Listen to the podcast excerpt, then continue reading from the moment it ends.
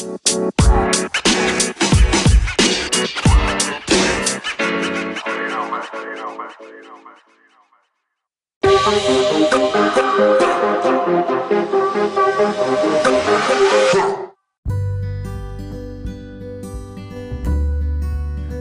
selamat malam para pendengar, para pembelajar sekalian di mana pun Anda berada.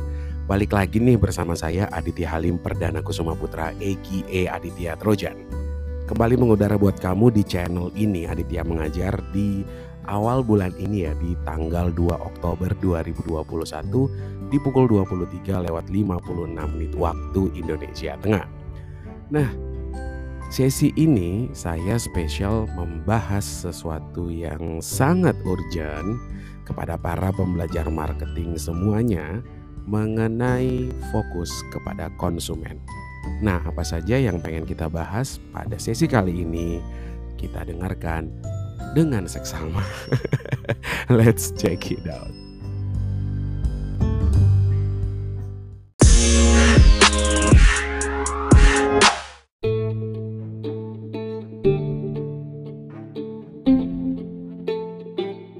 Alright, udah sampai mana tadi? belum sampai di mana-mana ya. Nah, jadi gini, buat kalian semua para pembelajar di mana pun anda berada, ini gue sebenarnya masih dalam fase kumpul-kumpul nyawa ya, soalnya baru bangun terus ada penjual bakso yang biasa mangkal di depan rumah saya dan alhamdulillah itu menjadi rezeki saya karena baksonya masih ada. Tapi bukan itu yang saya pengen bahas. Yang saya pengen bahas adalah kepuasan konsumen. Nah, buat kalian semua para pembelajar eh, pemasaran dan para pembelajar manajemen strategi di mana pun Anda berada, secara definisi dan konsep atas kepuasan pelanggan itu merupakan ukuran yang menentukan seberapa senang pelanggan dan produk atas layanan dan kemampuan perusahaan. Informasi mengenai kepuasan pelanggan, termasuk juga misalnya survei kepuasan pelanggan dan penilaian mengenai kepuasan pelanggan, itu dapat membantu organisasi dan entitas bisnis dalam menentukan cara terbaik untuk meningkatkan atau mengubah produk serta layanannya menjadi lebih baik lagi. Nah, fokus utama organisasi adalah harus memuaskan pelanggannya dong. Ini berlaku tidak hanya uh, bagi perusahaan dengan skala besar, tapi juga skala kecil. Atau boleh kita katakan secara universal memang uh, tujuan daripada bisnis adalah untuk memuaskan pelanggan. Ini sangat jelas ya bahwa uh, faktor kepuasan pelanggan menjadi aspek yang paling utama dan tujuan pokok daripada bisnis. Mengapa demikian? Ya sebenarnya jawabannya sangat sederhana ya. Yakni uh, perusahaan yang mengutamakan kepuasan pelanggan itu memiliki potensi yang lebih besar untuk tumbuh dan meningkatkan pendapatan. Nah, peningkatan pendapatan dan pelanggan yang terus bertumbuh merupakan elemen kunci bisnis yang sukses dan menjadi uh, alasan yang sangat rasional mengapa sebuah bisnis itu memiliki durasi long life yang lebih panjang daripada kompetitornya. So that This is very essential things about customers satisfaction. Nah, kemudian faktor-faktor yang mempengaruhi kepuasan pelanggan. Jadi uh, saya pengen highlight dulu ya. Ketika kita mempelajari sebuah konsep marketing, itu kita bergerak uh, dalam item-item uh, atau konstruk yang sebenarnya latennya itu bersifat asumsi. Namun Sorry gue batuk.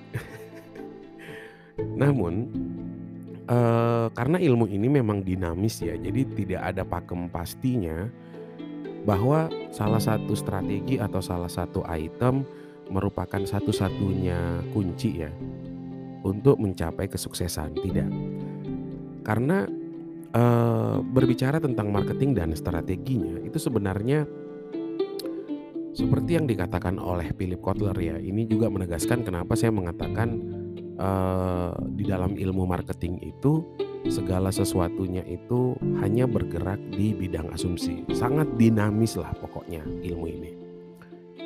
Namun karena ini adalah ilmu yang sangat dinamis, maka uh, research and development serta trial and error itu dibutuhkan di dalam konsep marketing sebenarnya.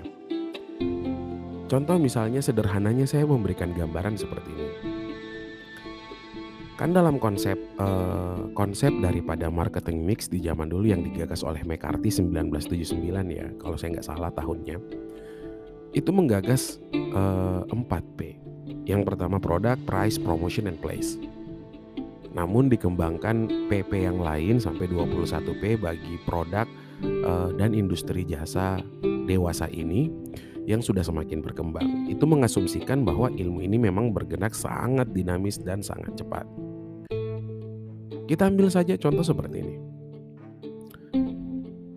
Di dalam formulasi konsep yang luhur mengenai marketing mix, ada namanya price atau harga harga yang murah, kemudian promosi-promosi yang masif dipromosikan, diperkenalkan, kemudian place tempat yang terjangkau dan uh, produk atau uh, produk itu sendiri yang memang benar-benar berkualitas. Nah, misalnya tetangga kita yang juga sekaligus uh, mungkin bisa jadi kompetitor kita ya, itu menerapkan harga yang murah Nampaknya bisnisnya lebih laris, lebih laku karena kita menduga dia menerapkan harga yang lebih murah daripada yang lain. Kemudian kita sebagai pendatang baru yang pengen melakukan penetrasi pasar juga pengen menerapkan uh, cara di mana kita untuk bersaing adalah ju, uh, bermain di sektor harga. Ketika harganya murah, maka ada kemungkinan yang terjadi bahwa eh, kok bisa bisnis kita tidak laku ya? Padahal sudah ditekan harga seminim mungkin. Itu yang saya maksud bahwasanya strategi dan formulasi yang dilakukan oleh kompetitor lain itu tidak serta-merta juga uh, membuat bisnis yang kita geluti hari ini itu bisa bisa mengikuti itu secara 100% dan it works itu butuh perjalanan panjang sebenarnya. Namun uh, dalam kategori kateris paribus ya, dalam kondisi ideal, siapa sih yang tidak menginginkan harga yang murah? Semua konsumen tentu menginginkan harga yang lebih murah daripada uh, kompetitor lain. Namun faktanya, seandainya harga yang murah mampu menjamin dan mampu membuat konsumen uh, berbondong-bondong datang ya harusnya barang-barang mahal, barang-barang branded yang harganya itu uh, tidak masuk akal, harusnya tidak laku dong. Tapi ya masing-masing punya segmen, masing-masing uh, memiliki peminat, masing-masing juga punya pasar tersendiri sehingga kenapa faktor harga yang dikatakan murah. Jadi kalau dalam konsep marketing itu kami tidak per, uh, sangat keliru ketika kita mengatakan harga yang murah sebenarnya adalah harga yang kompetitif. Kompetitif itu beragam ya, tergantung siapa yang pengen beli. Satu juta bagi saya mungkin sangat mahal, tetapi sangat murah bagi Atta Halilintar. Itu yang dimaksud. Nah, bergeraknya ilmu marketing yang sangat kompleks, sehingga kita mempelajarinya itu tidak hanya sekedar belajar tentang marketing, namun juga harus mempraktekannya dalam berbagai kesempatan dari research and development dan juga trial and error. Jadi ada orang yang menggunakan uh, pendekatan harga murah, uh, murahnya tipis banget, yang menjadi pikiran dia adalah yang penting terjadi perputaran dan revenue, cash flow yang uh, begitu masif. Misalnya contoh saja ya, uh, toko-toko yang melayani barang grosiran. Harga barang mereka itu sangat murah. Wait, ini jam saya lagi bunyi alarmnya. Saya matiin dulu ya. Udah mati. Nah, misalnya toko grosir. Produk yang dijual adalah sama. Anggaplah sama-sama uh, susu formula untuk bayi ya. Namun beda cerita ketika Anda datang ke supermarket anda beli banyak maupun beli sedikit harganya tetap eh, dikenakan adalah harga satuan. Namun berbeda cerita mungkin kalau di toko grosir ya. Nah, eh, sebenarnya berbicara tentang persoalan harga dan yang lain sebagainya formulasi di dalam konsep marketing itu sendiri karena sangat-sangat dinamis. Lagi-lagi ini tidak hanya sekedar cukup untuk dibaca namun juga harus dilakoni. Saya banyak loh menemukan uh, orang-orang yang terjun ke dunia marketing itu adalah justru bukan berasal dari mahasiswa marketing. Dan ini boleh Anda cek di mana saja. Marketing itu apa ya? Uh, andaikan ini ilmu sulap, mungkin dia salah satu bagian dalam bidang mentalis mungkin. Jadi ini uh, harus harus lihai, harus mahir, kalau perlu memang bawaan lahir ya. Jadi uh, banyak orang juga yang sekolah di bidang marketing, di bidang pemasaran, tapi jujur tidak semua jago untuk melakukan pemasaran. Secara konsep mungkin banyak orang tahu. Kecuali saya ya, saya tidak termasuk untuk itu. Kenapa demikian? Secara DNA, jadi gue pengen sombong dikit ya. jadi kakek gue itu adalah seorang pebisnis. Nenek nenek saya juga adalah seorang pebisnis. Kecuali dari kakek dan ibu saya dari ayah itu adalah petani. Namun dari ibu saya itu adalah pebisnis. Dari kakek pebisnis, nenek saya pebisnis, turun ke ibu saya juga adalah pebisnis kendati pun uh, pada akhirnya dia memilih untuk menjadi pegawai negeri. Nah, bapak saya adalah seorang pebisnis. Bapak saya pebisnis, turun ke saya juga adalah pebisnis. Nah, cuman saya mengkombinasi uh, antara bisnis dengan belajar tentang bisnis. Jadi saya melakukan tiga hal nih. Gue pengen sombong dulu ya sebelum gue masuk ke materi tentang nilai kepuasan pelanggan. Gue pengen curhat juga sekalian bahwa saya sekolah di bisnis S1, S2, dan S3.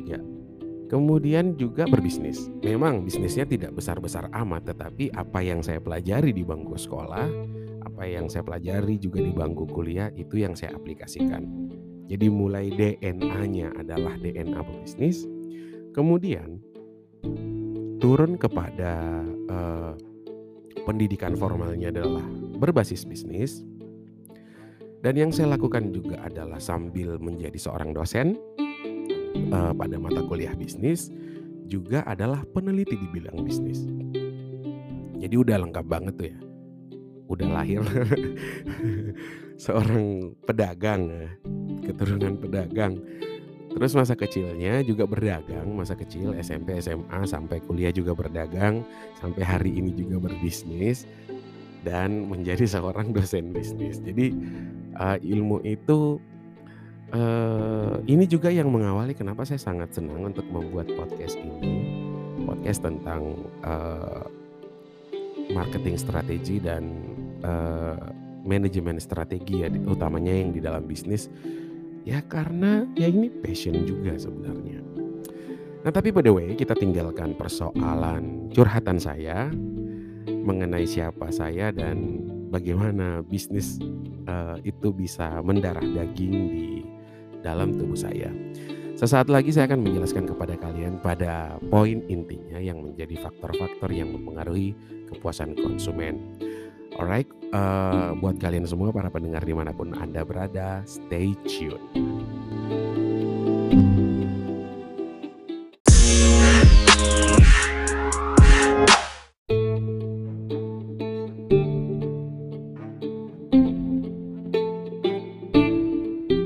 Distonan di, di tahun 2018 uh, dan juga dari penelitian saya itu di tahun 2020 ya yang berbicara tentang reconceptualization of customer satisfaction itu eh, faktor-faktor yang mem, itu membahas tentang faktor-faktor yang mempengaruhi kepuasan konsumen.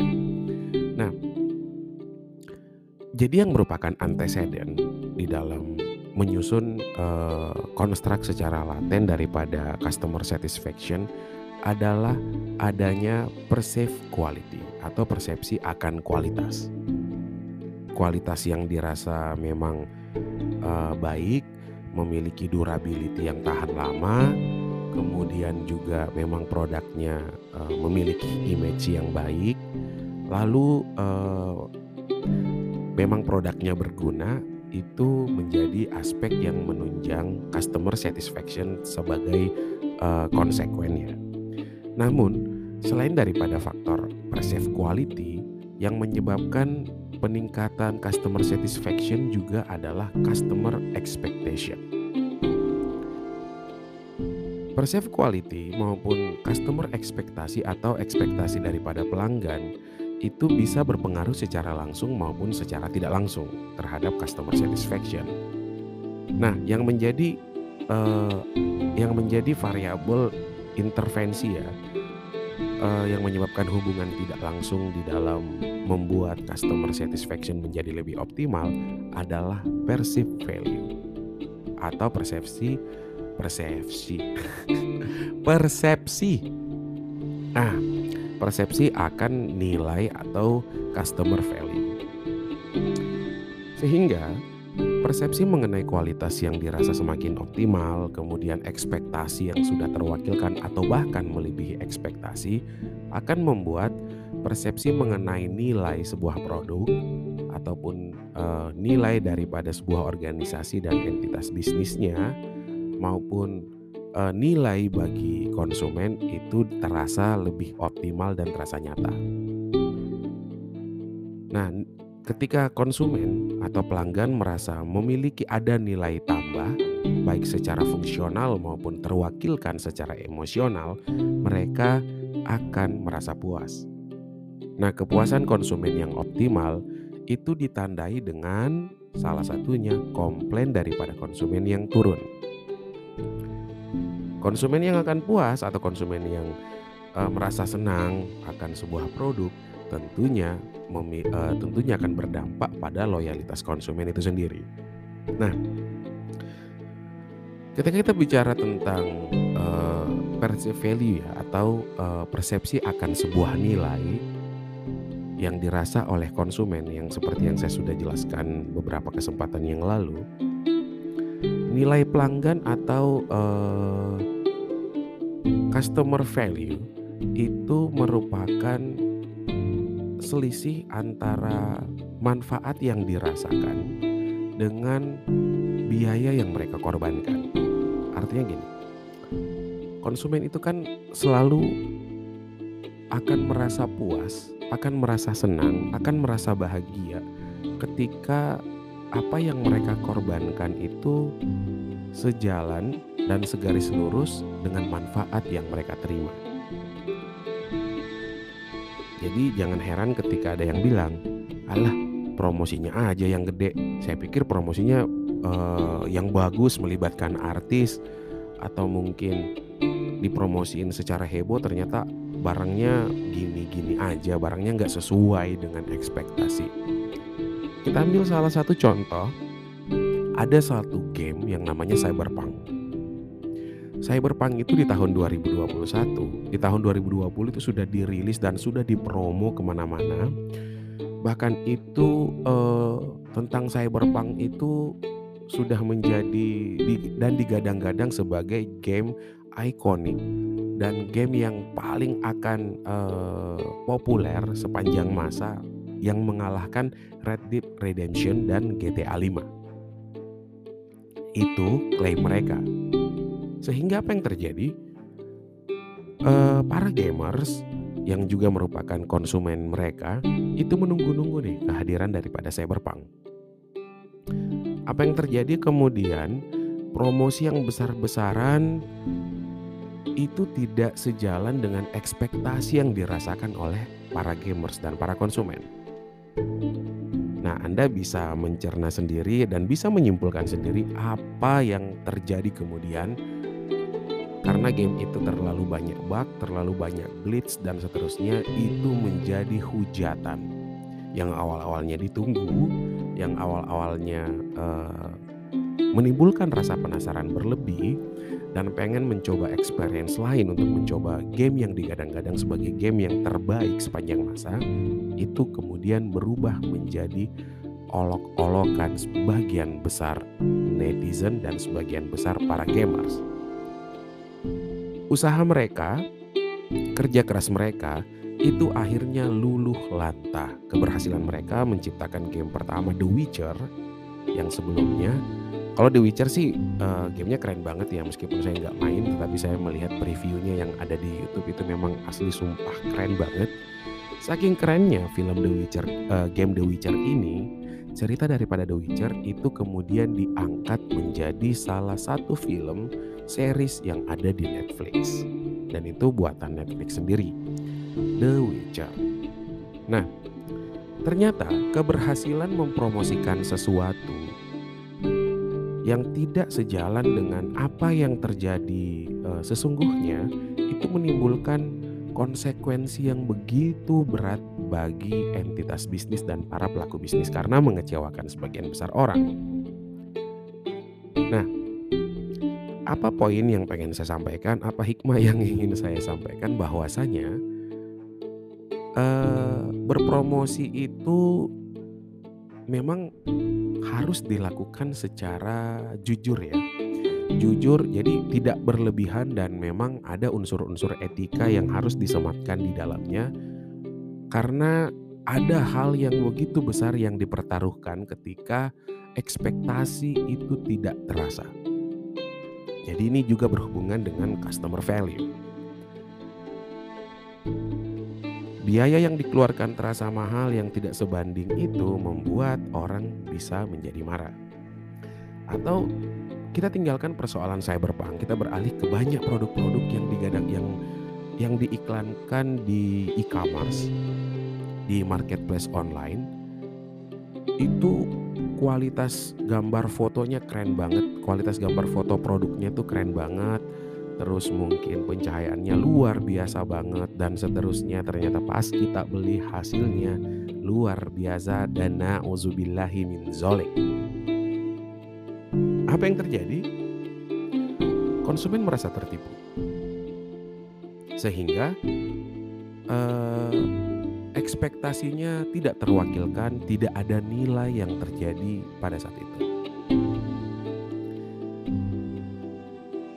ini yang uh, kemudian menjadi bahan yang perlu kita kritisi secara bersama-sama bahwa persoalan marketing itu memang benar bagaimana caranya untuk membuat uh, pelanggan atau calon pelanggan itu tertarik tentang apa yang kita promosikan. Namun berbicara suatu hal yang terlalu diheboh-hebohkan itu juga merupakan kesalahan yang besar ya dan itu sepatutnya tidak boleh dilakukan. Ada konsep namanya marketing ethics dan business ethics. Etika bisnis dan etika di dalam pemasaran yang tidak boleh seperti itu. Dan ini kita bisa saksikan uh, dalam kehidupan kita sehari-hari ya. Misalnya promo besar-besaran, diskon 99%. Terus tahu-taunya ada tanda bintang kecil, kecil banget bintangnya dan itu di, di ditulis di pojokan ujung-ujung spanduk kecil banget selama persediaan masih ada gitu. uh, tidak ada yang salah sebenarnya cuman uh, yang perlu dipahami bahwa konsumen hari ini tuh semakin kritis ini yang perlu dipahami tidak hanya uh, bagi para pembelajar para pembelajar bidang marketing ya terkhusus juga para pelaku bisnis itu sendiri berbisnis yang baik, mempromosikan barang yang baik. Kalau dilakukan secara jujur, Pak, yang mana orang mau datang? Ya bisa, ya bisa tidak sebenarnya. Tetapi ada pepatah yang mengatakan bahwa uh, jujurlah walaupun itu pahit. Nah, jadi sebenarnya serba polemik ya ketika kita jujur mengenai produk, ada ketakutan tersendiri bahwa produk itu tidak akan berhasil dijual di pasaran atau tidak akan laku di pasaran. Namun ada sepertinya ada hal yang lebih bijak daripada kita terus-terusan menggembar-gemborkan uh, sesuatu atau bahkan uh, amit-amit ya kalau kita sampai black campaign terhadap produk lain yang menjadi kompetitor kita itu amit-amit banget itu tidak boleh dilakukan baik secara terang-terangan maupun secara abstrak, baik itu secara letterlet maupun mungkin secara tersirat. Itu uh, menurut saya tidak boleh karena konsumen sekarang itu adalah sangat kritis. Bisnis yang untuk mencapai uh, customer satisfaction merupakan tujuan bagi seluruh perusahaan dan entitas dan pelaku bisnisnya. Namun pada faktanya, kita pun menyadari bahwa uh, tidak semua konsumen itu kita bisa puaskan.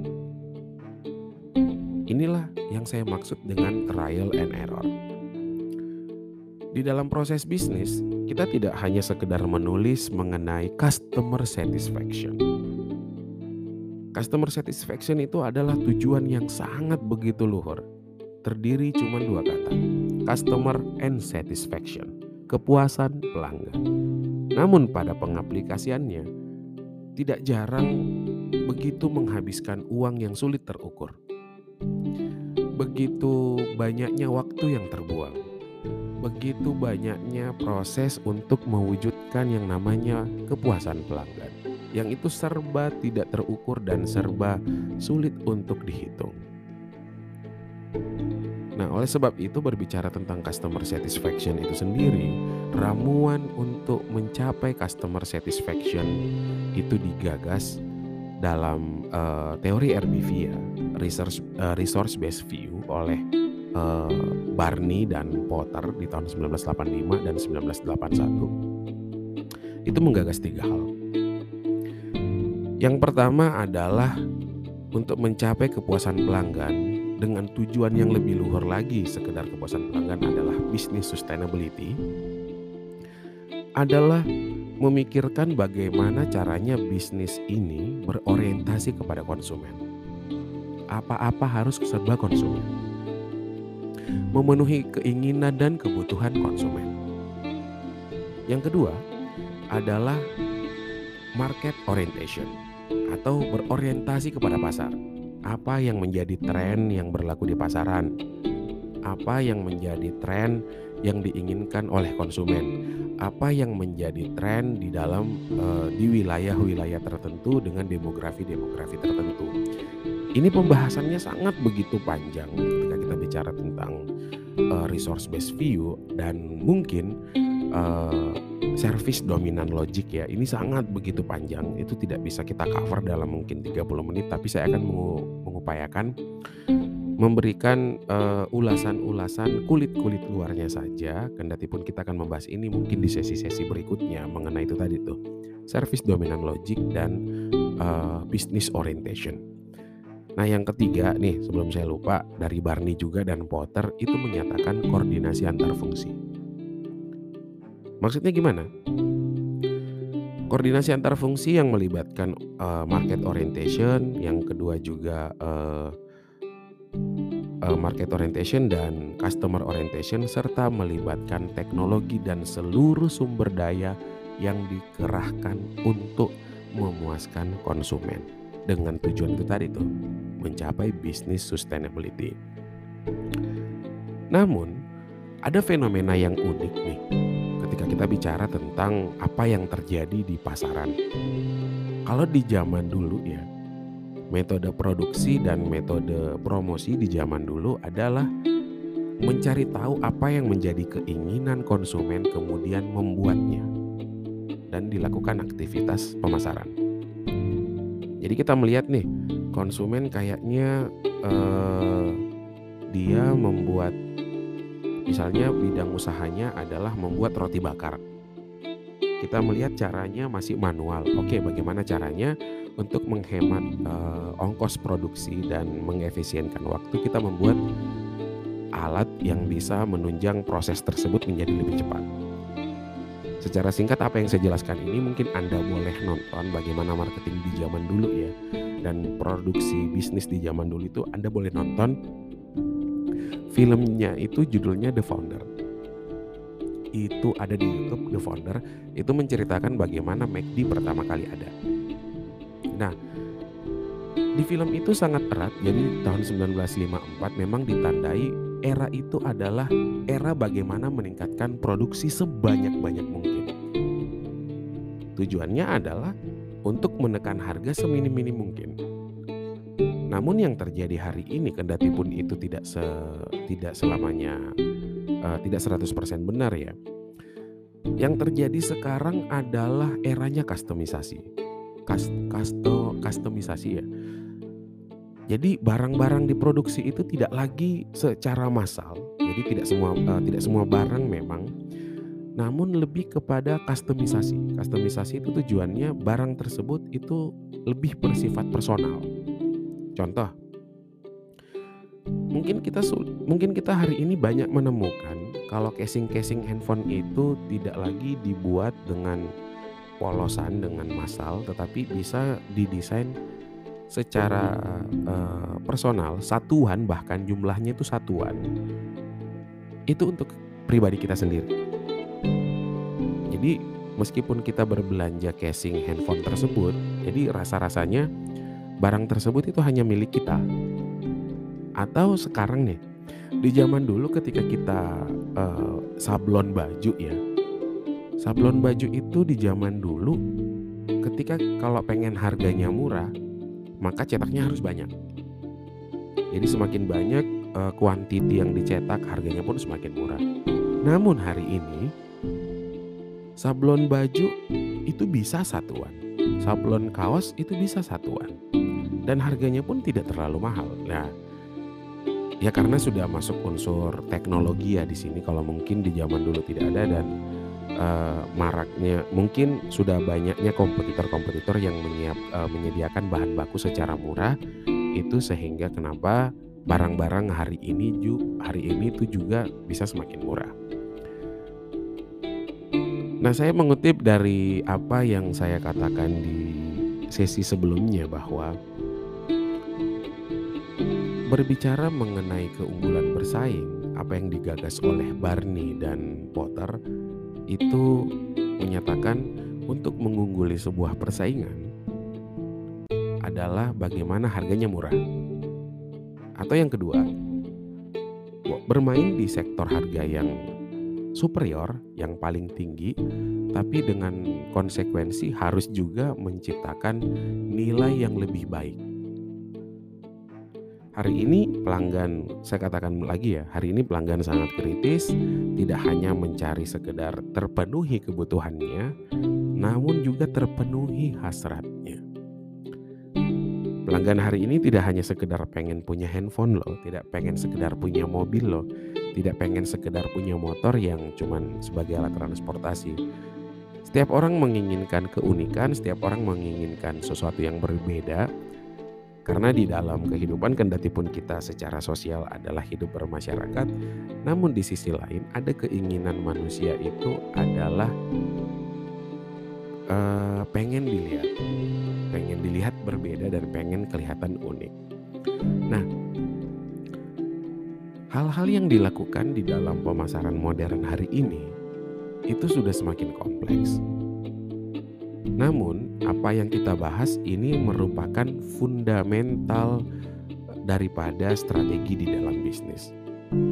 Bagaimana menciptakan nilai itu kita sudah bahas sebelumnya namun bagaimana implementasinya itu memang memerlukan proses research and development dan trial yang error, eh trial and ya trial and error itu yang tidak boleh putus.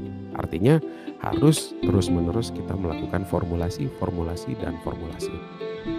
Membaca, belajar, eh, kemudian melakukan uji coba dan menerapkannya. Eh, POAC, Plan Organize, Actuating and Controlling. Kemudian plan lagi dan seterusnya dan seterusnya. Nah, itu yang saya sudah bahas ya mengenai nilai pelanggan, kemudian nyenggol-nyenggol dikit bicara tentang keunggulan bersaing atau competitive advantage. Nah, kita bicara nih selanjutnya mengenai tipe keunggulan bersaing. Sesaat lagi.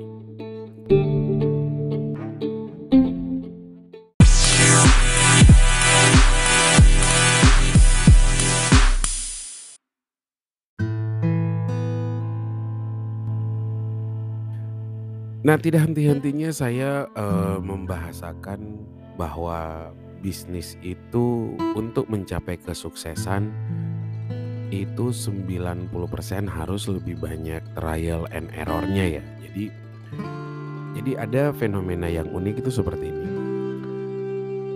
Ketika kita terlalu takut untuk melangkah atau terlalu banyak merumuskan strategi, yang terjadi adalah uh, tidak terwujudnya apa yang kita impikan, gitu kan? Terlalu takut uh, untuk mengaplikasikan, mengaplikasikan sesuatu justru membuat apa yang kita susun itu sepertinya hanya terlihat sia-sia saja. Dan begitu juga namun bukan berarti gini, namun bukan berarti kita tidak mau tidak patut untuk memikirkan risiko ya. Memikirkan boleh, namun menurut saya ada takarannya masing-masing. Secara secara personal kalau saya sendiri sih seperti ini ya. Kalau aku tuh sebenarnya lebih banyak aplikasi. Hanya sedikit untuk belajar tapi lebih banyak aplikasinya. Memang trial and errornya namun persoalan mengenai trial and error, mengenai ketakutan, mengenai uh, mengenai apa yang telah direncana, apa yang ingin direncanakan dan apa yang pengen dicapai memang balik lagi ke karakter tiap orang. Cuman kalau kita baca banyak buku biografi ya, banyak buku biografi, banyak menonton film tentang bisnis, misalnya happy, uh, Pursuit of Happiness, kemudian juga The Founder, kemudian dan banyak uh, banyak film-film tentang bisnis itu sebenarnya mereka itu let it flow aja. Jadi mereka mereka mendengarkan, mereka membiarkan diri mereka untuk belajar, tetapi mereka juga tidak terkungkung hanya dengan belajar. Jadi mereka lebih banyak mengaplikasikan sebenarnya. Persoalan itu gagal, Ya, itu urusan belakang. Yang penting mereka mencoba dulu ya. Saya menamakan seperti ini. Sometimes we win, sometimes we learn. Kadang-kadang kita menang dan kadang-kadang kita kalah dan ujung-ujungnya kita harus belajar lagi. Jadi tidak segala tidak semuanya di dalam hidup ini lebih-lebih terkait di dalam bisnis itu harus sesuai dengan perencanaan. Ya karena eh tidak ada yang bisa meramalkan apa yang bisa terjadi di masa depan ya. Salah satunya kayak COVID-19 ini aja lah. COVID-19 ini akhirnya memberikan pelajaran yang sangat berharga bagi para pelaku bisnis untuk bisa memformulasikan kembali strategi yang mereka eh, canangkan kemarin. Karena apa yang terjadi hari ini itu jujur mengubah 70% sampai 80% wajah bisnis dan strategi bisnis di masa yang akan datang. Kalau dulunya orang tidak percaya bahwa uh, bisnis digital bisa berkembang, kemudian uh, segelintir saja yang mempercaya itu, nah COVID-19 itu mempercepat proses orang untuk bisa percaya bahwa emang bener ya bisnis digital kayaknya di kemudian hari menjadi uh, primadonanya lagi gitu. Ya strategi, formulasi dan juga taktik itu tak ubahnya seperti mode ya, seperti mode, tren, tren baju atau mode-mode yang terjadi di dalam kehidupan kita sehari-hari. Terus berkembang namun pada akhirnya akan balik ke situ lagi. Kemudian berkembang lagi, balik ke situ lagi. Jadi semacam seperti uh, roda yang berputar. Jadi itu yang uh, ingin saya gagas terutama bagi para pebisnis, bagi para pembelajar bisnis bahwasanya bisnis itu dilakukan uh, memang wajib untuk diukur tetapi sangat penting untuk diaplikasikan karena seperti yang dikatakan oleh Sun Tzu ya. Sun Tzu itu mengatakan begini. A strategy without business, uh, a strategy without tactics itu hanya akan memper, uh, memperlambat kemenangan dan taktik tanpa strategi itu hanya sekedar mempercepat kekalahan. Jadi uh, mungkin ada pertanyaan seperti ini kali ya. Ini kadang-kadang pertanyaan ini sangat menggelitik di pikiran saya dan ini datang dari para mahasiswa-mahasiswa. Itu bertanya seperti ini. Pak ngapain sih kita pelajari soal bisnis gitu? ya Ya untuk tahu bisnis itu jawaban saya kan. Eee, bukannya lebih bagus aplikasi gitu. Jadi saya bilang tidak ada yang salah dengan dengan itu karena jauh sebelum kampus bisnis ada, orang sudah berbisnis sebenarnya. Namun apa yang dipelajari di bangku kuliah, utamanya di mata pelajaran, eee, mata kuliah tentang bisnis dan strategi adalah mencermati apa yang salah, apa yang kurang, apa yang baik, dan apa yang buruk dari strategi tersebut. Kita sebut saja contoh seperti ini nih, berbicara tentang untuk memenuhi kepuasan pelanggan dan keunggulan bersaing. Saya membaca artikel bahwa, eee CEO Nokia saja itu kaget. Kaget gitu ya. Kalau kita kaget kenapa Nokia bisa runtuh dan kita menyatakan, "Oh, kalau gitu Nokia gagal berinovasi ya." Gagal untuk, eee, membuat strategi yang lebih baik sehingga bisnisnya udah sampai di situ stuck. Kalau kita bisa berasumsi demikian, namun kayaknya untuk perusahaan yang skala seperti Nokia yang udah berpuluh-puluh tahun berdiri, itu mereka tetap merumuskan apa yang mereka lak eee, mereka ingin lakukan di dalam perencanaan strategi mereka. Namun tiba-tiba produk daripada Nokia udah ditinggalkan pasar, ya mereka kaget. Mereka kaget. Kenapa? Ya mungkin kita menduga lagi-lagi ya, kita masih berasumsi bahwa ya karena, eee, Nokia telat sih untuk berinovasi. Buktinya ya oke lah, mungkin itu telat karena dia masih berpegang teguh pada, eee, platform mereka yaitu menggunakan Symbian. Namun itu tidak salah juga, kenapa? Bisnis yang puluhan tahun berjaya dengan metodenya, terus tiba-tiba pengen beralih dan itu gambling, itu jujur juga bisa menjadi malapetaka ya. Ya persoalan untung dan rugi, persoalan hoki atau tidak hoki itu kan itu kan sebenarnya hasil ya. Ini bukan proses.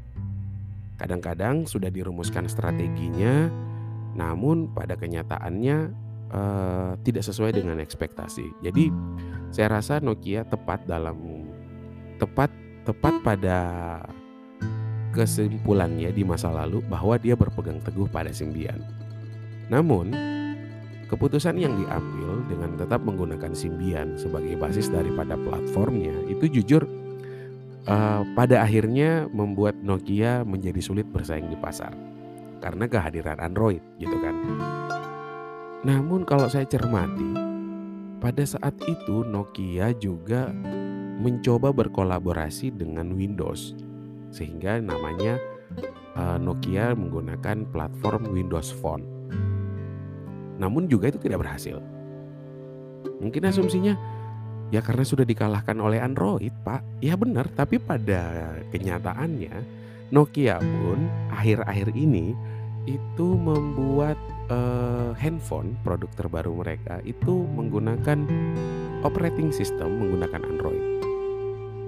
Bahkan mereka sangat radikal karena mengembalikan flashback orang-orang lama yang masih senang dengan Nokia 3310 dengan tipe Symbian-nya.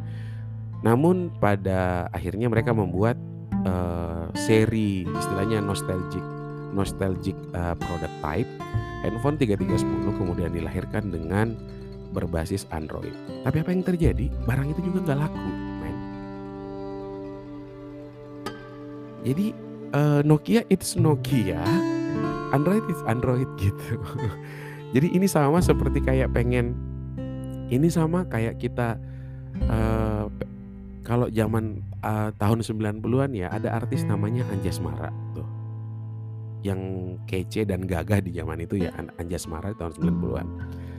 Kemudian kita mengatakan bahwa Anjasmara kayaknya kurang laku karena dia tidak mampu berinovasi.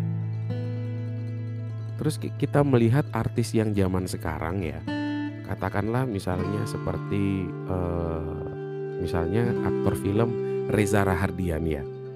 Reza eee, Reza Rahardian mampu mengalahkan market share daripada Anjasmara di zaman dulu dan tingkat pendapatan revenue-nya jauh lebih banyak daripada Anjasmara zaman dulu. Lalu apakah salah kalau misalnya seperti Anjasmara itu tidak bisa populer lagi? Jadi saya menegaskan ada hal yang sulit untuk dijangkau. Apa itu? Adalah selera konsumen. Jadi sesuatu itu bisa megah pada era tertentu. Lalu bayangkan saja kalau Anjas Mara kemudian meniru gayanya Reza Rahardian hari ini agar supaya bisa diterima oleh masyarakat atau agar uh, penonton-penonton itu bisa balik nonton Anjas Mara. Itu bisa menjadi bahan lelucon men. Itu bisa menjadi bahan lelucon. Atau katakanlah kayak gini. Ini yang unik lagi nih.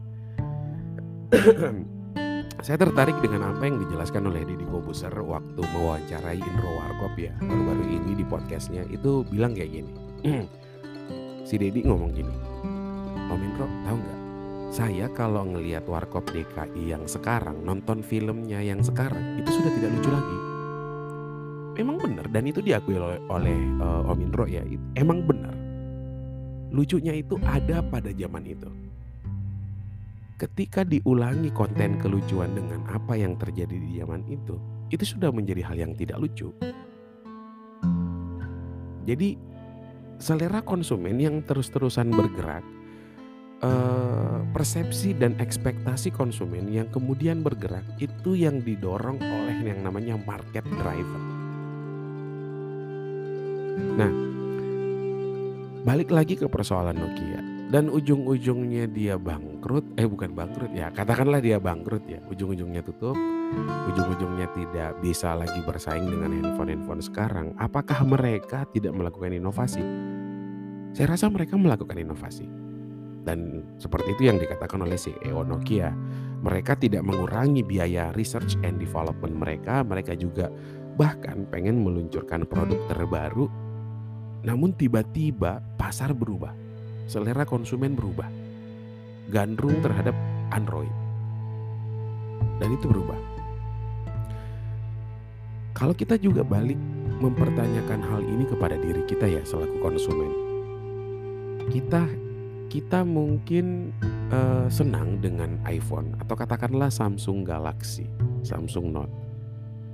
Tapi segreget apa sih perasaan kita se apa ya segemes apa sih perasaan kita ketika handphone itu katakanlah masih di iPhone 5C atau iPhone 5 atau iPhone 6 dengan Samsung Galaxy Note 10 mungkin atau Galaxy Note 5 eh Note 5 ada nggak ya?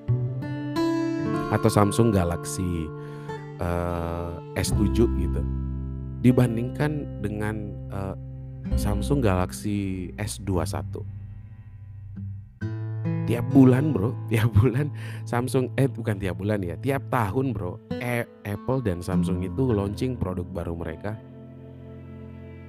Kendati pun memang diburu namun tidak sewah zaman dulu. Tidak sewah ketika itu baru pertama kali diperkenalkan oleh publik. Jadi persoalan masalah tren konsumen masalah persoalan uh, selera konsumen yang terus-terus berubah itu mau tidak mau menjadi formulasi tersendiri bagi para pelaku bisnis untuk bisa lebih mencermati lagi.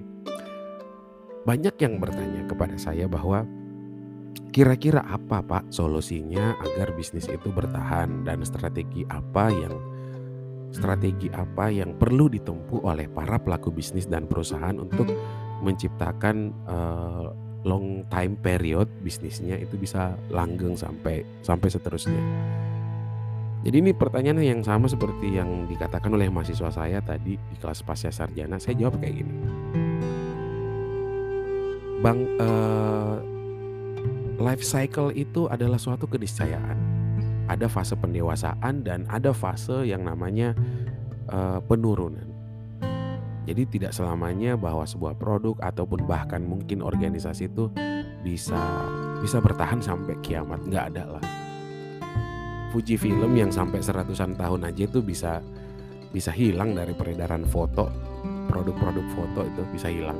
Kendati pun uh, bisnisnya masih ada ya, tetapi tidak senampak zaman dulu gitu. Katakanlah juga Kodak. Ada pak uh, McD atau mungkin KFC ya pada gilirannya ini semuanya hanya menunggu waktu ya sama seperti manusia ya ada fase fase pendewasaan, fase fase maturity dan ada namanya, eee, deadlock phase. Ada namanya fase di mana kita nggak bisa ngapa-ngapain dan memang sisa sisa nunggu masa pensiun dan akhirnya, eee, wafat gitu. Nah, bisnis pun serupa. Namun bukan berarti karena segala sesuatunya memang sudah ditakdirkan akan dari tidak ada kemudian menjadi tidak ada lagi dan kita hanya berpasrah, no. Eee, kita hanya bisa membu eee, membuat yang terbaik ya. Jadi saya menjawab mahasiswa saya itu kayak gitu. Kalau kita bicara solusi, solusinya adalah yaitu tadi menempatkan konsumen sebagai prioritas puncak. Jadi berfokus kepada konsumen, mengerahkan semua sumber daya, mengerahkan semua tenaga, pikiran, waktu kepada cita-cita yang pengen dibangun yaitu berfokus kepada konsumen. Apa yang menjadi kebutuhan dan apa yang menjadi keinginan mereka. Mengenai taktik dan langkah-langkah apa yang dilakukan itu seiring berjalannya waktu, trial and error, eee, merencanakan kemudian mengimplementasikan, itulah strategi tersebut. Namun pertanyaan yang lebih bijak sebenarnya adalah apa yang harus dilakukan oleh para pebisnis atau apa yang harus dilakukan oleh para perusahaan, para pelaku bisnis untuk bisa bertahan? Yaitu hanya satu, eh hanya tiga. Yang pertama komitmen, yang kedua adalah persistence, yang ketiga adalah konsisten. Jadi dia komit dengan apa yang pengen mereka canangkan, apa yang menjadi tujuan, dan mereka persistence. Persistence artinya mereka berkeyakinan teguh menjalankan apa yang uh, menjadi tujuan mereka. Dan konsisten. Seperti kata pepatah ya. Ini saya kutip dari film The Founder. Ketekunan akan mengalahkan segalanya.